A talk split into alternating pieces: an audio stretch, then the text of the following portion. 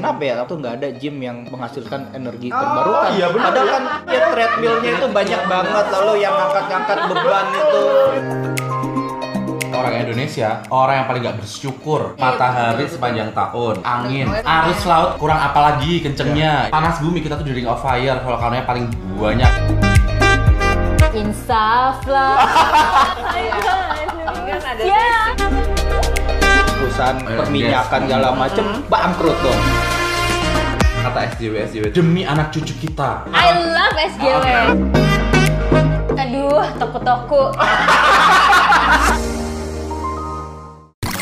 Ini adalah Mari Mari Berdiri episode Energi terbarukan, energi masa depan. Siap dengerin obrolan seru kami Yuk langsung dengerin Hai, selamat malam atau siang teman-teman. Ini sebetulnya malam hari. Oke, nggak apa-apa aku bongkar. Ya, kamu pakai ini kan lupa. Iya. Ya Allah, geng. Kalian tahu kan kalau suaranya seperti itu siapa yang merajai podcast ini? Udah, kasih dia aja. Lanjut. Oke, ngomong-ngomong tentang malam hari. Nah, malam hari itu kan biasanya di rumah kita nyalain banyak lampu. Ya Allah Dan nyalain banyak lampu itu kan ngabisin banyak energi. Nah, kebetulan banget nih kita hari ini akan menodong Juris sebagai Sebentar. Kamu siapa, Kak? Hai. Hai rakyatku. Aku Intan. ya, jadi ya, podcast kami kembali diambil alih oleh Intan karena dia menjadi host kali ini. Kita akan bicara apa? Kak Intan, kita mau bicara apa nih? makan energi. Iya, jadi eh, balik ke tadi, kan ini malam hari terus ngabisin banyak lampu, Tunggu energi. tunggu kita. Ada siapa aja kak? Kamu. Oh, dijelasin. ya ampun, banyak ya Kamu belum preambulenya. terstruktur nih. jadi hostnya, yuk lanjut. Oke, jadi dari sektor selatan ke utara ada Juris yang biasanya menjadi host. Ayo Harus mana aja? Ayo, dada-dada dulu ke kamera. Hai, aku lagi makan kue sus Enak banget, ada Oh, ramnya ini sponsor. Khususnya dari siapa sponsor? Boleh lagi. Boleh, boleh. Biar nanti siapa tahu ngasih sponsor kita. Kak Intan sebutin. La Marquis. La Marquis Sebutin kamu. Dari La Marquis, tapi aku nggak tahu nih bacanya bener atau enggak ya. La Marquise pokoknya La Marquise Patisserie Java Français. Oke, kali ini masih gratis. Selain kali boleh sponsor. Oke, lanjut. ya. Lalu ada Mbak Cici. Oke, hai hai. Cici adalah ya seperti biasa. Terus ini ada yang nyempil nih. Ya, ada yang nyempil. Halo, saya Adrian Mulya. Yeay, tamu kita minggu lalu muncul lagi Karena pacaran. dia adalah donatur tetap Iya. yang menyediakan ruangan. Betul, kita masih di sini. Terus. Dan juga ada Didu. Ya, Didi masih standby di sini. Halo. Silakan Kak host. Iya, jadi malam ini eh salah, Rabu siang ini Temanya apa nih? tentang energi terbarukan. Aduh, Kebet- serius Kak berat banget sih kak. nah, justru itu kita pengen bikin yang berat jadi ringan. Iya. Kak ini otot kacamata orang awam ya. Jangan Iya berat-berat dong, ya. makanya. Aku orang awam nih soalnya nih. Kebetulan Juris kerjanya di bidang si energi terbarukan ini sebagai campaigner ya. Betul. Nah, Campaigner tuh apa sih bahasa Indonesia kak? Jurkam. Kampanye betul. Benar, benar, benar. Jubir. jubir ya. Jubir. Oke, kita berikan tugas pertama kepada Juris sebagai seorang campaigner. Misalkan aku seorang anak kelas Anak kelas 4 berapa? SD. Hah oke. Jelasin dong kok apaan sih energi Oke. terbarukan itu? Jadi teman-teman kan pasti mungkin dengar energi terbarukan tuh per- sering dengar atau pernah dengar tapi mungkin nggak pernah ngeh gitu ya itu apa? Jadi energi itu secara garis besar dibagi jadi dua. Energi terbarukan dan energi yang tidak terbarukan. Energi tidak tidak terbarukan itu eh, berdasarkan sumbernya itu sumbernya dari energi fosil. Fosil itu apa? Ya minyak bumi sama batu bara. Yang sekarang banyak dipakai di Indonesia. Jadi listrik kita itu 80% ternyata berasal dari batu bara. 80%. Iya, Banyak 80% ya. dari batu bara. Dan 20 eh, persennya apaan kak? 20% macam-macam. Ada gas, ada energi terbarukan gitu-gitu. Nah, energi terbarukan itu itu contohnya adalah energi-energi yang sesuai namanya terbarukan berarti tidak akan habis, bisa diperbarui terus. Contohnya energi sinar matahari. Nggak mungkin dong sinar matahari habis. Kalau sinar matahari habis bumi kiamat gitu kan. Energi panas bumi sama panas bumi inti core bumi itu kan panas Memang ada panas. magma kan lava. Jadi kalau dia udah nggak panas, bumi kiamat gitu. Energi angin, selama masih ada ozon dan lapisan stratosfer bla bla bla itu, pasti akan selalu ada angin gitu kan. Ada satu lagi energi itu energi arus laut. Jadi ombak itu ternyata kita bisa panen untuk diubah jadi listrik. Ada lagi energi biomasa. Jadi semua tumbuhan itu kalau kita bisa kita ubah jadi energi. Ada yang jadi biofuel, uh, jadi pengganti bensin, pengganti fuel. Kayak contoh sekarang yang lagi ngetren di Indonesia tuh biodiesel, yaitu minyak kelapa sawit yang dicampur sama solar. Oh, bukan minyak jarak ya? Minyak jarak juga bisa. Oh, Jadi baik. minyak jarak, minyak kemirisunan, minyak kelapa sawit itu sebetulnya bisa untuk menerbangkan pesawat. Wow, minyak Bahkan sawit. 100% Ganti tanpa, aftur. Betul. 100% tanpa diga- dicampur Oh sama ya? solar. Udah ada yang coba? Ada udah ada yang coba. Pesawatnya siapa Eh, pesawat siapa ya waktu itu ya? Pokoknya udah ada yang coba. Kalau mobil udah dicoba sama kementerian itu tuh eh, Sumatera ke Jawa udah bisa. Terus kok Bisa bisa aja karena sebetulnya kan berarti aku Eh, bisa sih pakai sawit dong. bisa aja sebetulnya. Cuman kan Beli minyak kan di minyak goreng di supermarket. Cuman masukin kan ke dalam Nah, mesinnya Oh, harus mesinnya. disesuaikan. Nah, terus ada satu lagi tuh yang juga ngetren. Pernah dengar biogas nggak? Pernah, pernah, pernah. Pernah dengar. Jadi Itu biogas- dari dari kotoran bukan sih? Betul, jadi feses sapi gitu ya, yang di apa ya bahasanya di ko- di, di fermentasi ya, di, Fermentasi. di di composting ya. Terus kemudian nanti gasnya bisa dialirkan, bisa untuk masak langsung atau untuk mutar turbin untuk jadi listrik bisa. Terus ada energi air. ya. Air Di Sumatera itu banyak banget. Jadi kalau misalkan teman-teman punya sungai yang arusnya lumayan deras, ada air terjun, misalkan itu bisa digunakan untuk memutar turbin yang nanti turbinnya itu jadi, energi kinetik jadi energi listrik. gitu. Dan Indonesia tuh sebetulnya lagi mengarah ke sana. Tunggu kak pelan-pelan. Kan tadi buat anak Oh, kelas iya, lima iya, iya, SD. Kelas 5 SD lo ingat lo ya, berat langsung laporan orang tua nanti aku dapat pelajaran susah banget Bu, gitu. Iya, oke. Jadi energi terbarukan itu pokoknya dari sumber-sumber yang akan selalu ada lah ya di Betul. muka bumi ini gitu. Terus kalau misalnya itu bagus, kenapa sih kita kok di Indonesia sebenarnya udah sejauh mana sih pakai itu? Ya. ini pertanyaan bukan dari anak kelas 4. Ini anak pertanyaan NGO nih kayaknya. Pertanyaan anak kelas M. Iya. Jadi kalau di Indonesia sebetulnya gini, pemerintah itu kalau dibilang punya niat punya, karena mereka punya target. Targetnya 23% di tahun 2025 semua energi kita itu dari energi terbarukan. Tapi nyataannya sampai tahun 2018 akhir kemarin baru 8%. Oke. Jadi masih lama. Terus yang membuat betul yang membuat yang membuat negara ini jadi kalau kita lagi ngobrol aja sama teman-teman teman-teman SJW, bukan I love SJW. Oke, SJW dan teman-teman kolega-kolega aku. SJW itu apa? Tuh, SJW apa? Kami nggak ngerti. Aduh, toko-toko. Sosial.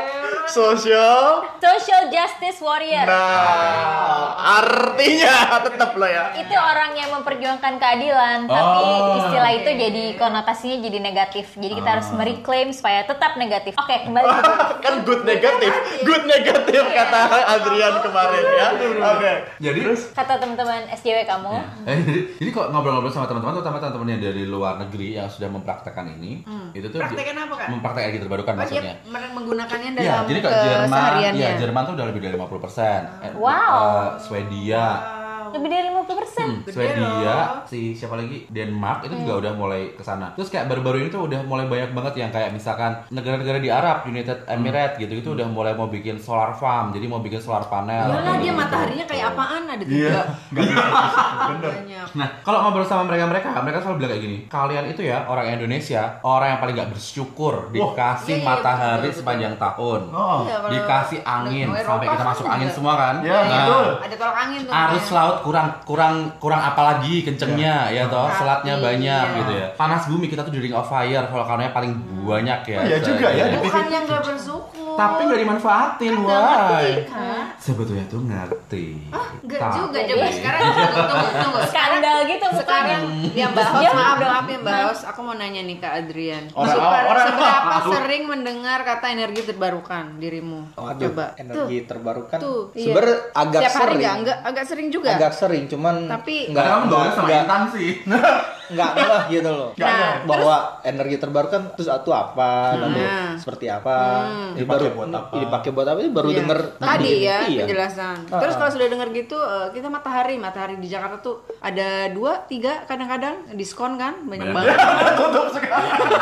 Ganti sentro Wis sama. H&M. Oh maaf aku nggak tahu. Sebenarnya sih ini doang sih. Kayak eh, solar gitu iya, kan. Nah, iya. itu kebayang nggak sih kita kalau aku mikirnya gini mungkin karena ini ya kan kalau kita pakai energi terbarukan ini kan perusahaan-perusahaan yang udah bergerak di bidang perminyakan gas. segala macem gimana tuh? Bangkrut dong oh, gue sih mikirnya gitu aja sih Tapi politik dong. itu pertanyaan yang sering bakal ditanyain sama orang. Heeh. Orang tuh selalu mengira kayak gini, jangan-jangan energi terbarukan itu enggak berkem enggak terlalu berkembang di Indonesia gara-gara bisnis oil and gas masih merajai gitu ya. Padahal kenyataannya kalau dari tren global semua negara kan beralih ke energi terbarukan. Terus namanya bisnis oil and gas itu kan bisnis ya. Bisnis kan hitung-hitungannya untuk dan rugi, Iya. ya kan? Mereka tuh juga udah paham bahwa oh cadangan minyak tuh tinggal berapa tahun lagi, Cadangan- cadangan batu bara tinggal berapa tahun lagi.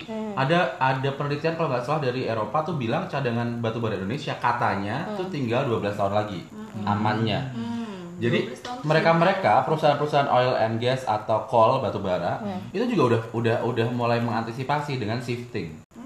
Jadi kayak eh, apa ya? Mungkin aku sebut nama aja kayak Shell. Shell International tuh udah mulai shifting. Jadi mereka masih eksplorasi minyak, masih menambang minyak, masih jualan minyak, tapi sebagian keuntungannya udah mulai digunain untuk bikin udah langsung bikin udah langsung bikin. unit usaha sendiri. Jadi diversifikasi usaha kayak gitu dan udah banyak banget yang kayak gitu ngelakuin gitu. Ya, Medco misalkan kayak gitu. Udah banyak yang ngelakuin. Pertamina pun bahkan udah ngelakuin. Jadi sebenarnya kan hitung-hitungan bisnis memang memang ini tuh lagi di senjakala. Kalau Senjakala. mengambil Kamu bahasanya sih bahasa? mengambil bahasa kompas ya karena senjakala penerbitan itu jadi senjakala batu bara dan Iya, oil and gas gitu ya jadi emang harus ber emang harus berubah nah Baik. sebetulnya kalau buat orang-orang awam kayak kita nih karena aku juga orang awam sebetulnya Kamu awam. aku awam Kirain kamu orang Indonesia, ternyata Oh, iya. orang awam. aku orang awam Oh, tunggu, tunggu. Jadi tuh shiftingnya tuh tadi maksudnya mereka diversifikasi usaha, lalu mereka cari sumber daya alam lain gitu. Iya, mereka carinya sekarang udah sudah mulai mengembangkan industrinya ke solar panel, ke panas bumi, gitu-gitu. Terus eh, ini juga sebetulnya kalau buat kita kita yang orang awam paling gampang gini sih. apa tuh? Eh, Praktis praktisnya apa tuh? Kita kan sebetulnya butuh energi itu paling banyak untuk listrik. Iya iya benar-benar. Gak mungkin ya kita bisa berhenti pakai listrik ya di Iya. kota terutama. Listrik itu mostly di Indonesia pakai batu bara. Iya. Pernah lihat nggak batu bara itu kotornya kayak apa? Hitam kan? hitam satu bentuknya aja hitam penambangannya udah kotor ya kan Iya. terus kemudian Iya. proses di pembangkit listrik tenaga Iya. batu bara itu kan dibakar kotor kan Udaranya jadi beberapa minggu yang lalu pernah dengar nggak ada tongkang batu bara tabrakan terus mencemari Oh, jatuh lautan ya lautan. terus kemudian asapnya itu udah mulai mencemari eh, polusi udara dan lain sebagainya jadi sebetulnya memang energi yang sekarang dihasilkan untuk kita itu tuh kotor.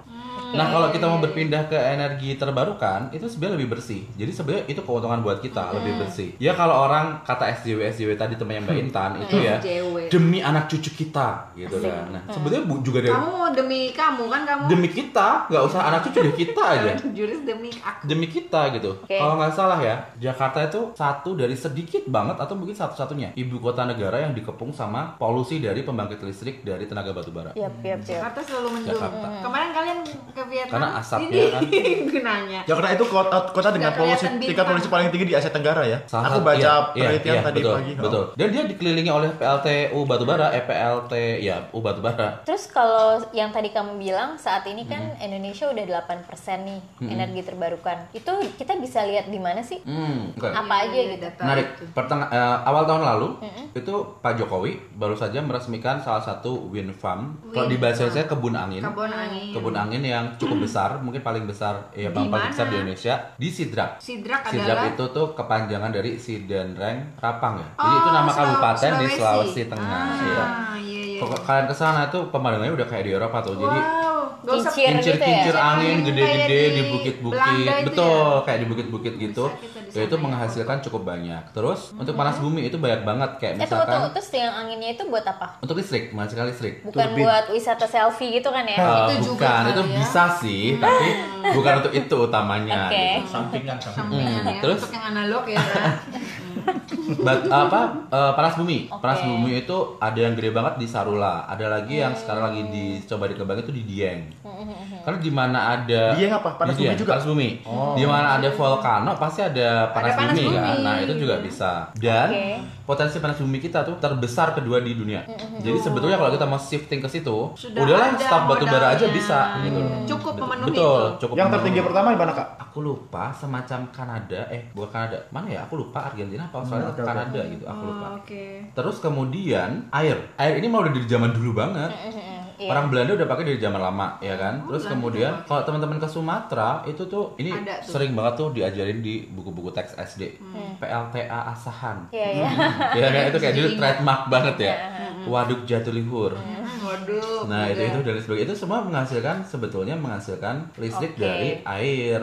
Tapi sekarang nggak harus yang gede-gede kayak gitu, yang secara komunal juga bisa banyak Yap. di Cianjuang di Jawa Barat itu banyak yang mengelola itu jadi untuk satu desa, untuk satu kelompok. Nah untuk yang di perkotaan yang paling mudah sebetulnya tuh pakai ada yang namanya surya atap atau solar panel. Hmm, Surya atap. Oke. Hmm, Jadi kita bisa beli panel surya, dipasang di atap kita, di atap rumah. Itu bisa tuh. Bisa, terus nanti disambungin pakai smart grid atau jaringan smart gitu ya ke PLN. Ke Jadi PLN. saat itu memproduksi, dia menangkap radiasi sinar matahari, memproduksi jadi listrik. Listriknya bisa kita pakai. Terus kemudian kalau listriknya berlebih bisa diekspor ke PLN.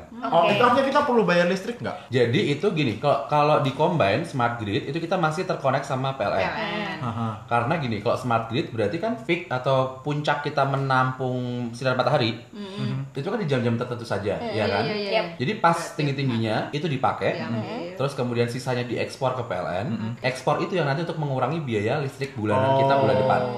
Kalau malam kita masih butuh listrik PLN karena kalau itu tidak ada tidak ada suplai energi dari matahari, itu bisa ya. dipakai untuk eh, bisa dipakai untuk sehari-harinya dari saluran PLN. Oh. Atau kalau mau off grid terlepas dari PLN seutuhnya, itu teman-teman bisa pakai baterai. Disimpan panel, terus kemudian disimpan ke baterai, dari baterai dipakai. Itu So- juga bisa. Solar panel, aku pernah lihat-lihat kan ada orang di Bali yang udah pakai Aha, gitu ya. aha. Terus kalau kita orang biasa di tinggal di gunung sehari gini, belinya di mana tuh? Jadi bisa mulai mencari mungkin bisa googling ke vendor-vendor atau perusahaan-perusahaan pemasangan. ya? Banyak Ada ya? banyak, bahkan ada asosiasinya. Oke. Oh, ada asosiasi. Ada asosiasi Berarti ada, di rata Surya dong. Indonesia. Enggak sih, beda-beda tergantung tergantung merek, Merek, tergantung kualitas, oh, tergantung kua- kualitas. apa, tergantung Oh. kapasitas gitu segala Oke. macam.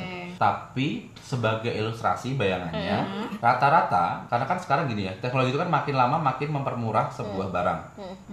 Waktu iya. kita kecil beli HP itu mahal banget, bisa sampai kayak 5 juta, 10 juta. Ya kan sekarang beli HP kayak Sekarang kacang ada yang banget. mahal juga sih. Ada yang mahal tapi kayak- Waktu kita kecil, Iya. oke. Nggak ada apa Nggak ada handphone. Ini kecilnya umur berapa sih ya? Kita mah tahu. Coba, coba ya untuk sebagai konteks, Julius itu lahirnya tahun berapa? saya lahir tahun 96. Wah, banget dengarnya. Kalau subokis. gue langsung ingat umur terus pengen nyanyi insaf lah. Iya. Ini kan ada Ya. sesi. Oke. Tapi itu berarti solar panel tuh bisa ngecer ya?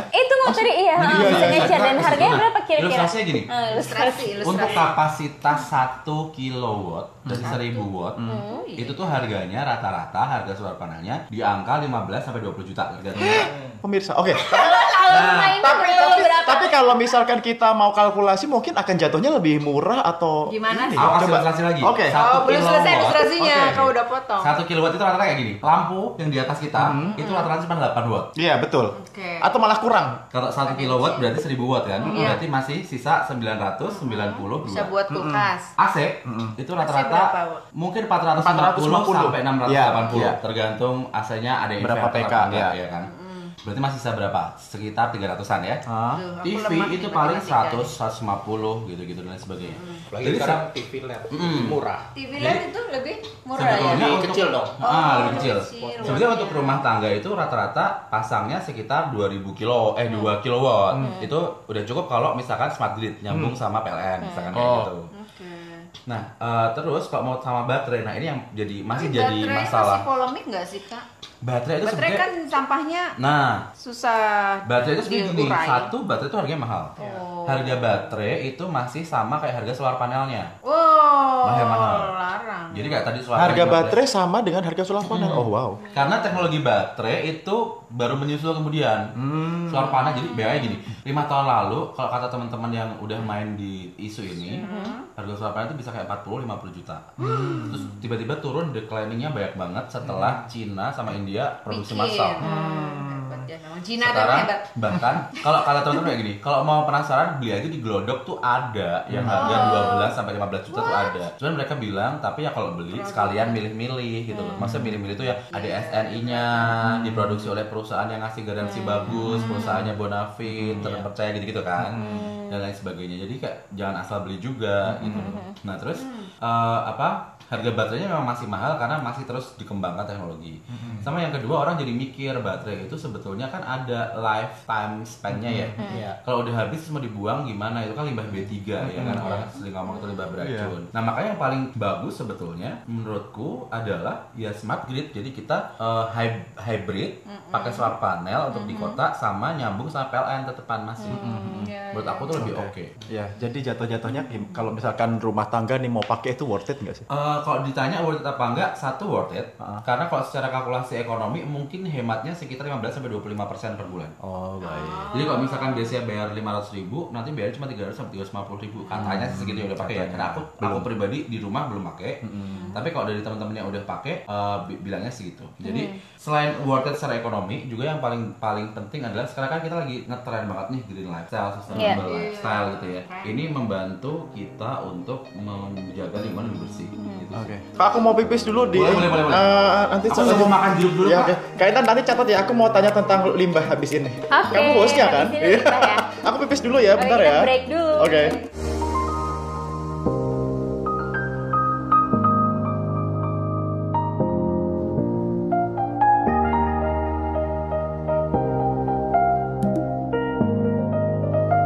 Oke, kita balik lagi ya. Masih tentang energi terbarukan. Ouch! Tadi lagi diceritain bahwa kalau kita orang biasa aja, kita pun bisa mulai punya energi terbarukan solar buat rumah kita.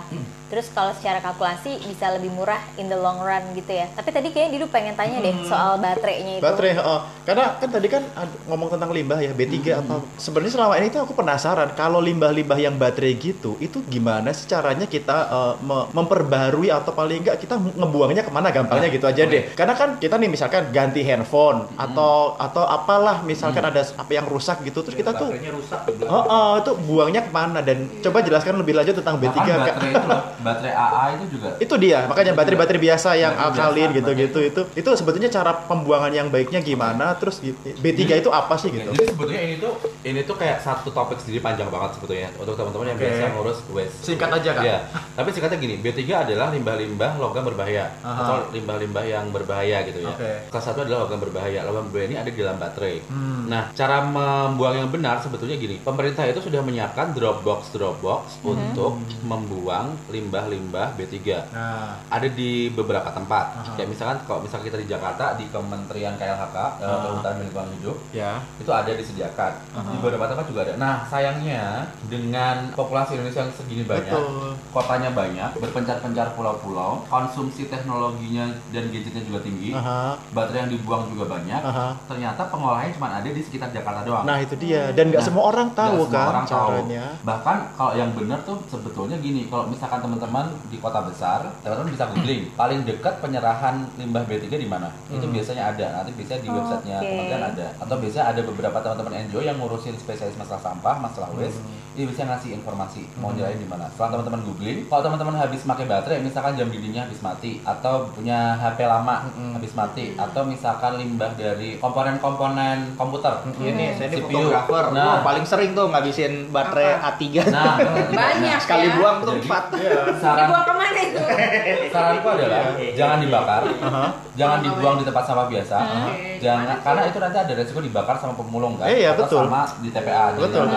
Jadi saran aku adalah disimpan sampai tadi googling nemu di mana tempat untuk menyerahkan, Waduh. Dibawa ke sana. Karena ini Oke. sebenarnya tanggung jawab kita untuk Iya keliling sih. Ngomong idealisme sih memang kita sebetulnya merasa ya apalagi kayak kita ya Kak itu sudah agama baru kan kalau Kak Cici bilang kita buang tuh kayak berdosa gitu kan. Iya. Kalau kalau kalau di Jepang tuh aku lihat mereka punya menyediakan tempat sampah khusus Iya. untuk limbah-limbah kayak itu. Nah, Oh, yang di, Jepang kita udah advance banget. Di kita kan paling adanya organik, anorganik, B3, Iya, baru itu. sampah basah gitu ya. Heeh, dan itu pun belum maksimal juga. Di Jepang bisa sampai 23 pemisahan gitu dan Oh. itu udah jalan karena emang mereka mulainya udah, udah lebih awal.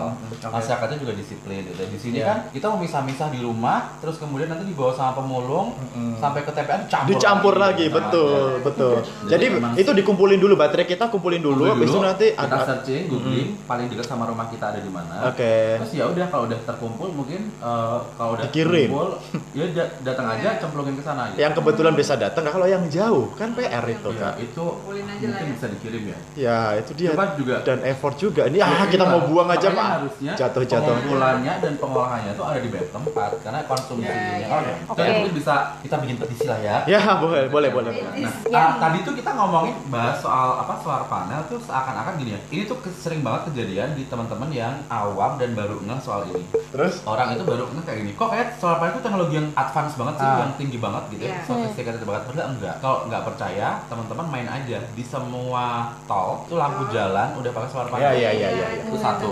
Yang kedua, kalau teman-teman suka jogging, coba deh main-main ke GBK. Itu semua pedagang PKL GBK itu udah dilengkapi dengan solar panel untuk pedagangnya. pedagangnya untuk ngecas HP, untuk nyalain blender, untuk Oh ya? uh, lampu, iya udah ada. Karena mereka dapat bantuan. Iya. Terus kalau teman-teman misalkan lagi di SCBD di Pacific Place gitu ya, pas kebetulan di lantai atas, kalau ngelihat ke sekeliling SCBD itu atap-atap gedung tuh sebenarnya udah banyak dipasangin juga, karena ini efisiensi juga secara energi. Oke. itu kalau di Jakarta, di Jakarta atau kota besar ya kak. Tapi maksudnya aku pernah Di lihat nih kota kecil. di nggak di Lombok itu jalan Ah. dari bandara ke kota. Ah. Kalau kalian perhatikan itu kan lampu jalannya pakai solar panel, tapi tidak berfungsi. Terus pas aku nanya tidak sama berfungsi. tidak berfungsi dan ada yang hilang. Pas aku tanya diambilin sama masyarakat lokal, dijualin. Oh my god. Serius itu. Nah, sebetulnya energi terbarukan itu tuh nggak cuma buat urban, cuma buat kota besar gitu ya. Tapi sebetulnya ini tuh energi yang paling bagus untuk semuanya karena bisa Iya. tergantung dari daerah itu potensinya apa. Misalkan di NTT, Ah. di Sumba yang anginnya tinggi dan panasnya tinggi. Ya udah berarti di sana cocoknya di misalnya Angin. uh, energi angin, energi Matahari. bayu, sama energi solar matahari. Di Sumatera yang memang daerahnya sungainya itu curam, uh, elevasinya uh, Banyak air air terjun. deras, ada air terjun, cocoknya ya pakai itu. Sulawesi juga sama. Kalimantan mungkin karena bukaannya banyak bisa pakai solar farm malahan. Jadi nggak di rumah tapi bisa dikumpulin di satu tempat tempat. Atau bahkan sekarang tuh lagi ngetren kalau di luar negeri itu dia mengapung di danau. Oke. Jadi solar panelnya itu terkumpul jadi satu mengapung di danau, nanti dia bisa melistriki satu komunitas, satu kota. Kayak gitu. Itu juga Iya, ada. itu sebenarnya yang menarik sih bahwa bukan justru sebetulnya bukan buat di kota ya, karena ini kan buat Betul. memecahkan masalah di daerah-daerah yang Yang agak terisolir listrik, gitu, yes. gimana biar bisa ada listrik. Salah satu contoh lagi yang aku pernah lihat itu di Sulawesi Barat di Karampuang. Jadi itu satu desa semuanya listriknya dari si solar panel ini. Dulu pernah bantu-bantu project kayak begituan sih. Tapi yang menarik juga kalau di luar negeri, kan tadi kamu bilang misalnya di Jerman udah 50%. Ternyata eh, energi terbarukan ini nggak seluruhnya dihadirkan oleh pemerintah atau perusahaan besar ya. Betul. Jadi itu sih yang buat aku, oh ternyata bisa ya. Kayak aku pernah baca sebuah komunitas kecil kayak koperasi yang kemudian bekerja sama dengan gereja. Nah, betul. Mereka terus bikin kayak perusahaan level kecamatan. Yuk kita mm, beli bareng-bareng nih si solar panel buat di daerah Bisa. ini. Terus kita ada sistem iurannya segala Iya, macem. iya. Kalau kamu eh, sebagai seorang campaigner Ah, energi ah, terbarukan, ah. ada nggak sih yang inovasi-inovasi Ada ini banget. yang kamu lihat Jadi gitu? sebetulnya ada celah yang menarik banget untuk dimasukin adalah satu Indonesia itu kan punya dana desa. Iya. Di Kemen Desa itu masing-masing desa punya dana satu miliar lebih gitu ya. Hmm. Nah sekarang eh, masing-masing desa setelah punya dana desa itu tuh wajib bikin bumdes badan usaha milik desa. Nah jadi badan usaha milik desa ini sebenarnya bisa dialih ke penyedia layanan energi. Pakai apa ya? Diakses aja daerah itu cocoknya apa? Oh ada sungai mungkin pakai hidro dan sebagainya. Terus nanti eh, hasil energinya listriknya itu bisa dijual ke penduduk dengan harga yang disepakati misalkan kayak Iya. gitu. Itu bisa. Atau mau di eh, ekspor ke PLN dijual ke PLN misalkan. Itu juga bisa. Terus yang kedua tadi disebutin di gereja pakai. Ini ada yang menarik juga. Jadi ternyata inisiatif-inisiatif energi terbarukan itu nggak cuma berasal dari negara atau dari korporasi besar. Tapi dari komunitas-komunitas bahkan komunitas-komunitas religius. Ya. Contoh kalau di Islam itu tuh MUI sama sebuah lembaga donor Amerika itu sudah menerbitkan buku tentang fikih energi terbarukan. Menurut aku itu tuh. ada sebuah langkah maju karena orang Indonesia itu kan suka dogma ya, ya kan? Jadi kalau Semboyan. ya kalau Semboyan. Atau kalau dibilang pemimpinnya, pemimpin religiusnya bilang, oh energi terbarukan itu baik untuk kemaslahatan umat, mungkin akan lebih terpacu orang Iya. pakai. Jadi itu perlu diapresiasi. Yang kedua, Dewan Masjid Indonesia sama MUI itu udah mengeluarkan program namanya Ekomos. Oh. Jadi Ekomos, Eko Masjid. banget tuh. Nah, Ekomos itu tuh Program atau ada bukunya sih kak? itu program bisa diikuti, masjid itu bisa mendaftar nanti dapat pendampingan. Hmm, gitu. Kalau tidak ada salah. bukunya aku mau kasih Nah, buku itu di masjid Coba rumah. ma- coba mengunjungi mengunjungi ke websitenya Ekomos, Kak. Ekomos, oke aku Ekomos. Jadi Ekomos. Itu titik titik beratnya kalau nggak salah di tiga tiga isu. Yang pertama tuh soal Air. kebersihan dan pengelolaan sampah, Uh, betul. pengelolaan air dan energi tiga itu ya. Jadi tiga ini. Terus kemudian ada lagi yang bagus menurut aku di Bali itu tuh ada namanya Green Pura. Green Oh. Pura. Jadi pura-pura di sana dan desa-desa adat itu tuh semuanya dicoba tap in oleh energi terbarukan pakai solar panel. Jadi desa-desa adat itu tuh listrik penerangannya biasanya udah pakai solar panel karena mereka kan lebih apa ya kalau teman-teman Hindu itu kan memang lebih menyatu dengan alam gitu ya suka suka hal-hal uh, berjalan beriringan dengan alam selaras dengan alam kayak gitu-gitu.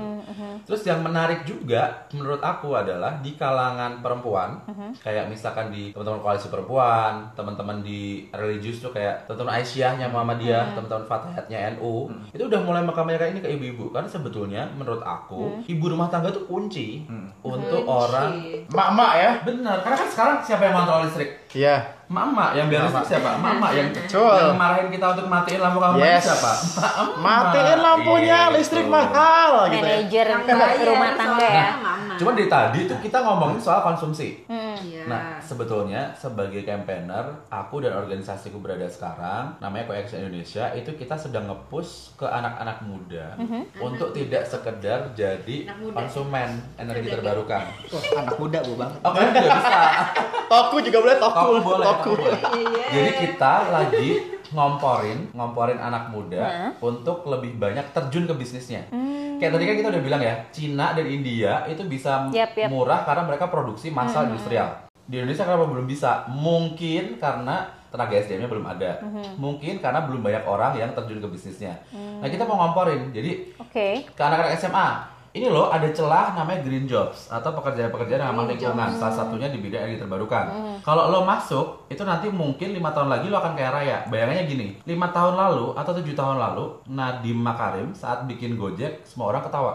Ngapain ojek dimasukin Iya. ke HP gitu kan? HP, hmm. tukang-tukang ojek emang HP-nya apa? Paling Nokia emang mereka bisa main aplikasi gitu. Tapi Nadiem waktu itu percaya bahwa di masa mendatang tuh industri fintech karena kan sebenarnya dia mulai ke GoPay gitu ya. Iya. dan industri IoT digital itu tuh akan sangat ngangkat gitu Mhm. dia masuk di saat orang belum mulai kemudian sekarang dia memanen hasilnya dengan jadi dekakorn Hmm. gitu Oke. jadi miliarder. Nah, kita pengen anak-anak muda itu terjun ke bisnisnya dari sekarang. Saat nanti ini itu tren-tren global tuh kan akan merambat ya, akan sampai ke Indonesia. Saat nanti bisnis energi terbarukan itu lagi peak-peaknya Indonesia di Indonesia, mereka udah di atas awan. Oke. Tapi boleh nggak disebutin eh, tiga disiplin ilmu utama misalnya yang bisa bekerja di energi terbarukan? Anak STM, Iya. anak sastra, anak apa Nah, gitu? ini menarik banget. Jadi eh, kebetulan aku sering datang ke kampus-kampus dan pertanyaan yang kayak ditanyain sama Intan tuh kayak eh, hampir setiap kali talk show tuh ada. yang nanya gitu ya. Pasti dia nanya kayak gini, Mas tapi aku udah terlanjur masuk ke teknik pertambangan, gimana dong? Gitu. Iya. Mas, aku tata boga. Bisa nggak Oke. aku? Nah aku jawab buat yang udah memang pengen menekuni oil and gas, kuliah di jurusan oil and gas dan pengen kerja di oil and gas, it's okay. Kamu bisa membawa perusahaanmu untuk ke arah yang lebih bagus, untuk ke arah lebih hijau. Yang hijau. Terus kemudian sebetulnya industri eh, eh, teknologi pertambangan itu juga bisa diterapkan ke teman-teman yang bergerak di geothermal panas bumi karena kan sistemnya sama menam kayak looks like menambang sebetulnya gitu. Terus kemudian orang nanya lagi, mas tapi aku nggak teknik listrik, nggak teknik mesin, emang bisa masuk ke industri energi gitu Aku ya? jurusan filsafat. Nah jurusan filsafat, jurusan apa? Terus ngapain? Jadi believe it or not ya, kalau aku ketemu sama orang-orang, justru malah kita butuh banyak orang-orang, misalkan jurusan komunikasi untuk mengkampanyekan ini, untuk menyebarluaskan ini, atau membuat hal ini jadi tren, misalkan. Terus kita butuh jurusan sosiatri, karena dalam pengembangannya itu mutlak dibutuhkan pendampingan ke masyarakat. Iya, kan? itu banget ya. Tuh. Terus kemudian kayak orang hukum, hukum bisa nggak mas gitu? Oh hukum ada, karena sampai sekarang undang-undang itu terbarukan tuh baru digodok.